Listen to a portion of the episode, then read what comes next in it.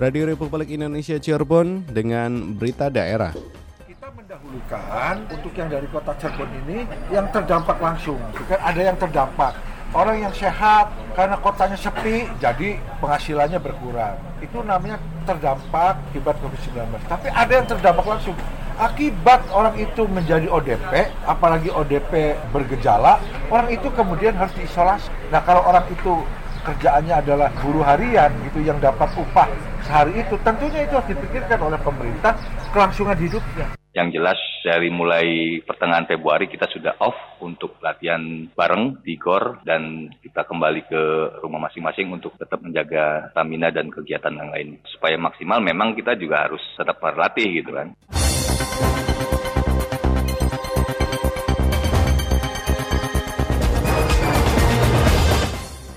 Sari Berita, pemerintah kota Cirebon mempersiapkan skema kebijakan untuk menanggulangi masyarakat yang terdampak COVID-19.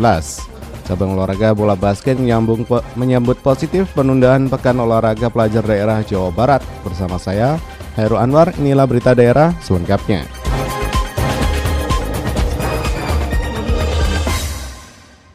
Pemerintah Kota Cirebon mempersiapkan skema kebijakan untuk menanggulangi masyarakat yang terdampak COVID-19. Informasi disampaikan Cece Orkmana. Wali Kota Cirebon Dr. Andes Haji Nasruddin Ajis beserta jajaran Forum Komunikasi Pimpinan Daerah Forkompinda Kota Cirebon terus melakukan rapat koordinasi untuk menentukan kebijakan apa yang akan diambil pemerintah kota. Menurut Ajis, kebijakan yang sedang dipersiapkan tersebut merupakan konsekuensi yang dikeluarkan oleh pemerintah kota Cirebon, terutama untuk mencegah agar COVID-19 di kota Cirebon itu tidak berkembang. Upaya meringankan masyarakat yang berdampak COVID-19, pemerintah kota Cirebon akan mengeluarkan anggaran. Pusat, kemudian provinsi masing-masing mengeluarkan programnya. Nah, tapi itu tidak akan cukup hanya mengandalkan program dari pusat maupun dari provinsi. Kota Cirebon juga harus melakukan upaya. Ini Kota Cirebon di samping provinsi mengeluarkan, kita juga akan mengeluarkan hal yang sama. Cuma besarannya, ya besarannya ini. Kita mendahulukan untuk yang dari Kota Cirebon ini yang terdampak langsung. Bukan ada yang terdampak. Orang yang sehat karena kotanya sepi, jadi penghasilannya berkurang. Itu namanya terdampak akibat COVID-19. Tapi ada yang terdampak langsung akibat orang itu menjadi ODP, apalagi ODP bergejala, orang itu kemudian harus diisolasi. Nah kalau orang itu kerjaannya adalah buruh harian gitu yang dapat upah sehari itu tentunya itu harus dipikirkan oleh pemerintah kelangsungan hidupnya kita konsentrasi ke situ tapi untuk warga masyarakat terdampak pun kami akan alokasikan Nasruddin Ajis memastikan dengan adanya anggaran yang digunakan untuk jaring pengaman sosial JPS bagi masyarakat terdampak COVID-19 akan ada pergeseran anggaran termasuk pergeseran anggaran infrastruktur sehingga akan dipilah kembali mana yang bisa ditunda dan yang menjadi skala prioritas. Jasa mana melaporkan. Gugus Tugas COVID-19 Kabupaten Cirebon telah menyelesaikan pemeriksaan rapid test untuk masyarakat umum yang terdaftar melalui aplikasi Pusat Informasi COVID Jabar atau Pikobar. Kabit Pencegahan dan Pengendalian Dinas Kesehatan Kabupaten Cirebon Nanan Nanang Rohyana mengatakan dari jumlah yang terdaftar sebanyak 260 orang, dan pada hari ketiga pelaksanaan rapid test yang hadir memeriksakan diri hanya 33 orang sehingga total jumlah yang terperiksa selama tiga hari sebanyak 98 orang atau 39,2 persen. Hasil pemeriksaan dari tanggal 7 sampai 9 April 2020 keseluruhannya negatif. Sementara data update COVID-19 yang tercatat pada gugus tugas jumlah orang dalam pemantauan atau ODP bertambah menjadi 140 orang dengan rincian masih pemantauan 54 orang dan telah selesai pemantauan 86 orang. Jumlah pasien dalam pengawasan atau PDP jumlahnya naik juga naik menjadi 32 orang dengan rincian masih perawatan 13 orang dan sembuh serta sudah pulang 19 orang sedangkan positif corona dua orang dan masih dirawat dan untuk orang dengan resiko atau OTR sebanyak 12.239 orang. Orang tanpa gejala atau OTG masih berjumlah empat orang, masih pemantauan dua orang dan selesai dan sehat dua orang. Yayasan Yanu dan Ikatan Wartawan Online Cirebon membantu masyarakat kurang mampu yang terdampak COVID-19. Selengkapnya dilaporkan Aji Satria. Ikatan Wartawan Online Iwo Kota Cirebon bekerja sama dengan Yayasan Amal Nusatan Utama YANU meringankan beban mereka yang terdampak wabah virus corona jenis baru atau COVID-19. Sejak pemerintah mengeluarkan kebijakan sosial bahkan physical distancing akibat menyebarnya COVID-19 di Indonesia, masyarakat berbagai profesi terkena imbasnya. Para pekerja informal dan masyarakat kelas ekonomi menengah ke bawah boleh dikatakan paling merasakan imbas dari pandemi COVID-19 itu. Akibat Akibatnya mereka hidup sehari-hari dengan penghasilan minim tidak seperti biasanya. Termasuk di kota Cirebon, masyarakat yang sehari-harinya berprofesi sebagai penarik beca sangat merasakan dampak penyebaran COVID-19 ini, yakni menurunnya penghasilan mereka. Sebanyak 500 sebanyak 500 paket uang sembako dengan uang dapur beserta masker pun langsung didonasikan Iwo dan Yanu kepada para penarik beca di kota Cirebon. Kepada RRI Koordinator Yanu Puguh Purwandono didampingi Ketua Iwo Kota Cirebon, Muslimin mengatakan paket sembako itu dibagikan kepada tukang beca yang tengah mencari nafkah namun sepi orderan atau tarikan di jalan dan di pangkalan-pangkalan. Menurutnya, bantuan ini merupakan bentuk kepedulian dari Yanu dan rekan insan pers lainnya kepada masyarakat ekonomi kelas menengah ke bawah sehingga bisa bersama-sama melalui kondisi yang sulit ini hingga selesai nanti. Saat ini kita memang sedang membagikan beberapa yang dibutuhkan oleh masyarakat yang terkait dengan wabah corona di mana ada beberapa masyarakat kita salah satunya adalah yang berprofesi sebagai pengayuh becak. Kalau kita perhatikan dia adalah salah satu yang terdampak ekonomi dengan adanya wabah corona ini di mana dia tidak banyak menarik tumpangan sehingga untuk sehari-hari memenuhi kebutuhan keluarganya itu agak tersendat. Inilah yang menggugah kami para jurnalis Cirebon yang disupport oleh Yayasan Amal Nusantara Cirebon untuk melakukan kegiatan ini. Dan alhamdulillah untuk kegiatan hari ini semua elemen seperti dari kepolisian, dari Ikatan Wartawan Online, juga dari PRTV dan teman-teman jurnalis lainnya terlibat langsung membagikan kepada abang-abang becak ini. Harapan kami, kami hanya bisa meringankan ekonomi untuk beberapa saat, tapi ini agar dapat menggugah para dermawan-dermawan yang lainnya untuk bisa membantu saudara-saudara kita yang terdampak terdampak dari corona atau yang orang bilang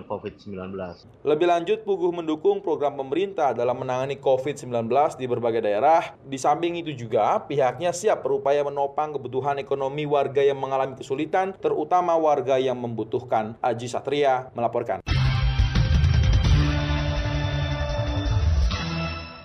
Tenaga Kerja Indonesia (TKI) Carmi yang hilang kontak puluhan tahun di Arab Saudi dipulangkan oleh Kedutaan Besar Republik Indonesia KBRI Riyadh Arab Saudi dini hari tadi tiba di Jakarta. Carmi merupakan warga asal blok Kalibangka, Desa Rawa Urip, Kecamatan Pangenan, Kabupaten Cirebon.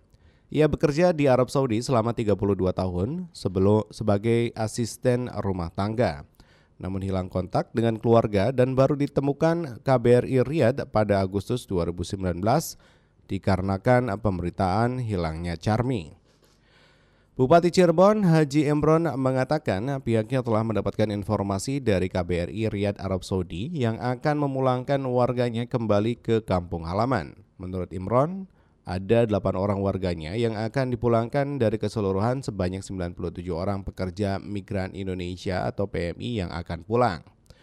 Terkait, tek, terkait teknik penjemputan, Bupati Imron menegaskan pihaknya menginstruksikan Dinas Dinas Tenaga Kerja untuk berkoordinasi dengan Kemenaker dan Kemenkes sehingga harus menunggu keputusan tim Jakarta sehubungan dengan proses karantina atau langsung dipulangkan.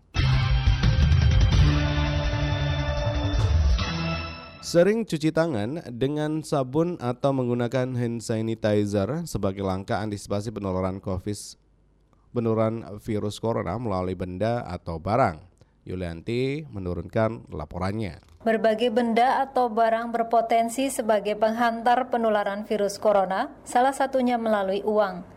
Sekretaris Dinas Kesehatan Kabupaten Cirebon Dr. Edi Susanto mengatakan proses penularan virus corona dari uang berasal dari percikan droplet orang yang positif corona dan kemudian digunakan untuk aktivitas transaksi. Namun cara pencegahannya tetap harus menerapkan perilaku hidup bersih dan sehat dengan mencuci tangan menggunakan sabun dan selalu menyediakan hand sanitizer. Itu bisa saja terjadi. Droplet itu kan ketika orang itu terinfeksi positif corona, ketika dia batuk, berbicara, mengeluarkan air ludah atau air liur, ketika tangannya memegang uang, bisa saja terjadi. Maka di luar negeri sekarang penggunaan uang itu diminimalisir pakai sistem debit. Nah, karena itu kalau habis bukan duit, bukan uang, kalau kita cuci tangan desinfektan ya mudah-mudahan enggak. Jadi ya sering-sering cuci tangan pakai sabun. Kalaupun ada pakai hand sanitizer ya gunakan hand sanitizer tersebut. Ditambahkan Dr. Edi Susanto, mestinya dalam upaya mengantisipasi penularan virus corona melalui uang, pihak perbankan menyediakan hand sanitizer di setiap anjungan tunai mandiri atau ATM. Begitu juga dengan sarana publik lainnya seperti pusat perbelanjaan, toko modern, swalayan, serta pasar tradisional harus sudah menerapkan kewaspadaan terhadap darurat virus corona dengan menyediakan hand sanitizer dan wastafel sehingga pengunjung diberikan edukasi untuk mencuci tangan dengan sabun setelah berbelanja. Penularan melalui benda atau barang seperti uang, tutur Dr. Edi, bukan serta-merta membuat masyarakat panik dan khawatir, sehingga tidak ingin memegang benda apa pun. Tetapi kewaspadaan tetap menjadi prioritas masyarakat, minimal dengan menghindari transaksi tunai dan sesering mungkin untuk cuci tangan sebagai langkah antisipasi penularan virus corona.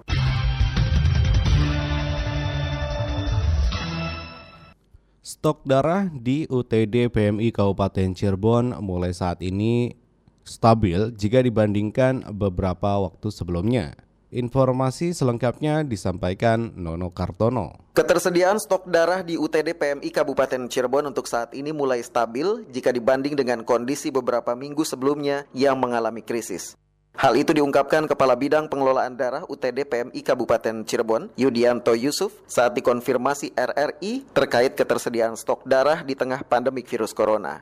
Menurut Yudianto, stabilnya stok darah di UTD PMI Kabupaten Cirebon tidak terlepas adanya kepedulian dari pihak TNI dan Polri maupun pihak-pihak lain yang tetap melaksanakan kegiatan donor darah dengan tetap memperhatikan prosedur kesehatan yang ditetapkan pemerintah dalam pelaksanaan donor darah. Selain itu, untuk menjaga kestabilan ketersediaan stok darah, UTD PMI Kabupaten Cirebon mewajibkan bagi masyarakat yang membutuhkan darah untuk membawa donor pengganti. Sudah ada peningkatan, aman untuk dua hari. Tapi kita juga masih menerapkan donor pengganti. Jadi bagi keluarga pasien yang minta darah untuk familinya yang butuh darah, itu kita anjurkan atau kita sarankan untuk membawa donor golongan apa saja, tidak harus sama dengan pasien. Yudianto Yusuf menambahkan, PMI Kabupaten Cirebon juga gencar melakukan sosialisasi ke masyarakat maupun instansi, baik swasta serta pemerintah, untuk tidak takut melakukan donor darah di saat mewabahnya penyebaran virus corona seperti saat ini, karena tetap aman selama SOP-nya dijalankan dengan benar. Nono Kartono melaporkan.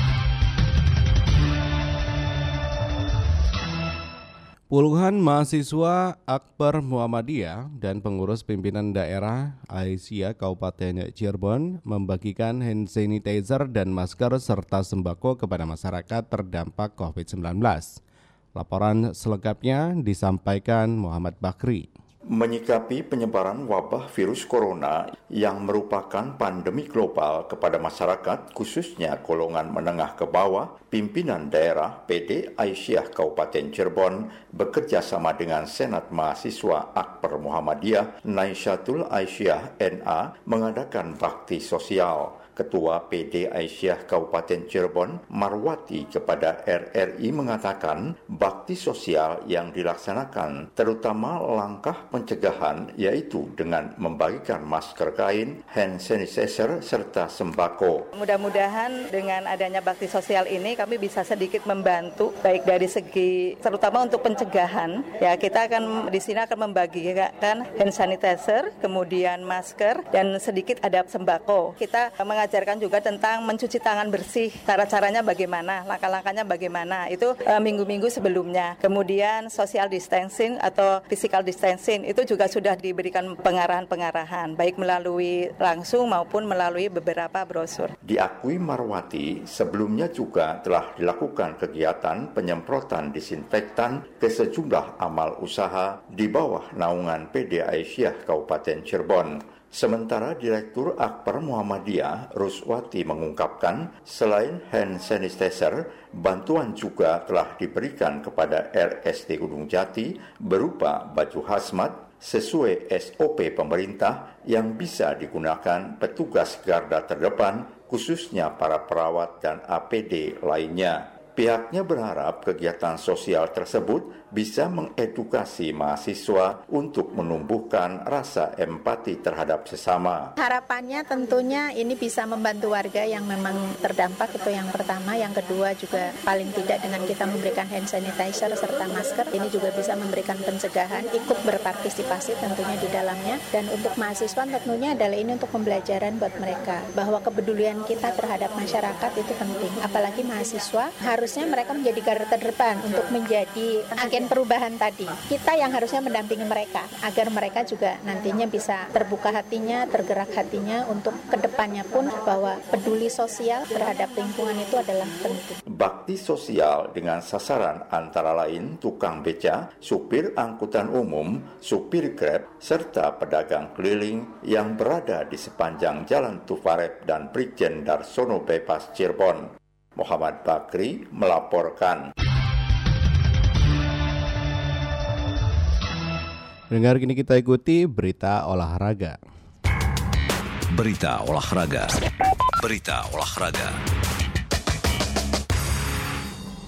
Cabang olahraga bola basket menyambut positif dengan penundaan pelaksanaan Pekan Olahraga Pelajar Daerah atau Popda Jawa Barat. Informasi selengkapnya disampaikan Alex Sunardi. Penundaan pelaksanaan Pekan Olahraga Pelajar Daerah Popda Jawa Barat tahun 2020 disambut baik pengurus cabang olahraga yang ada di daerah.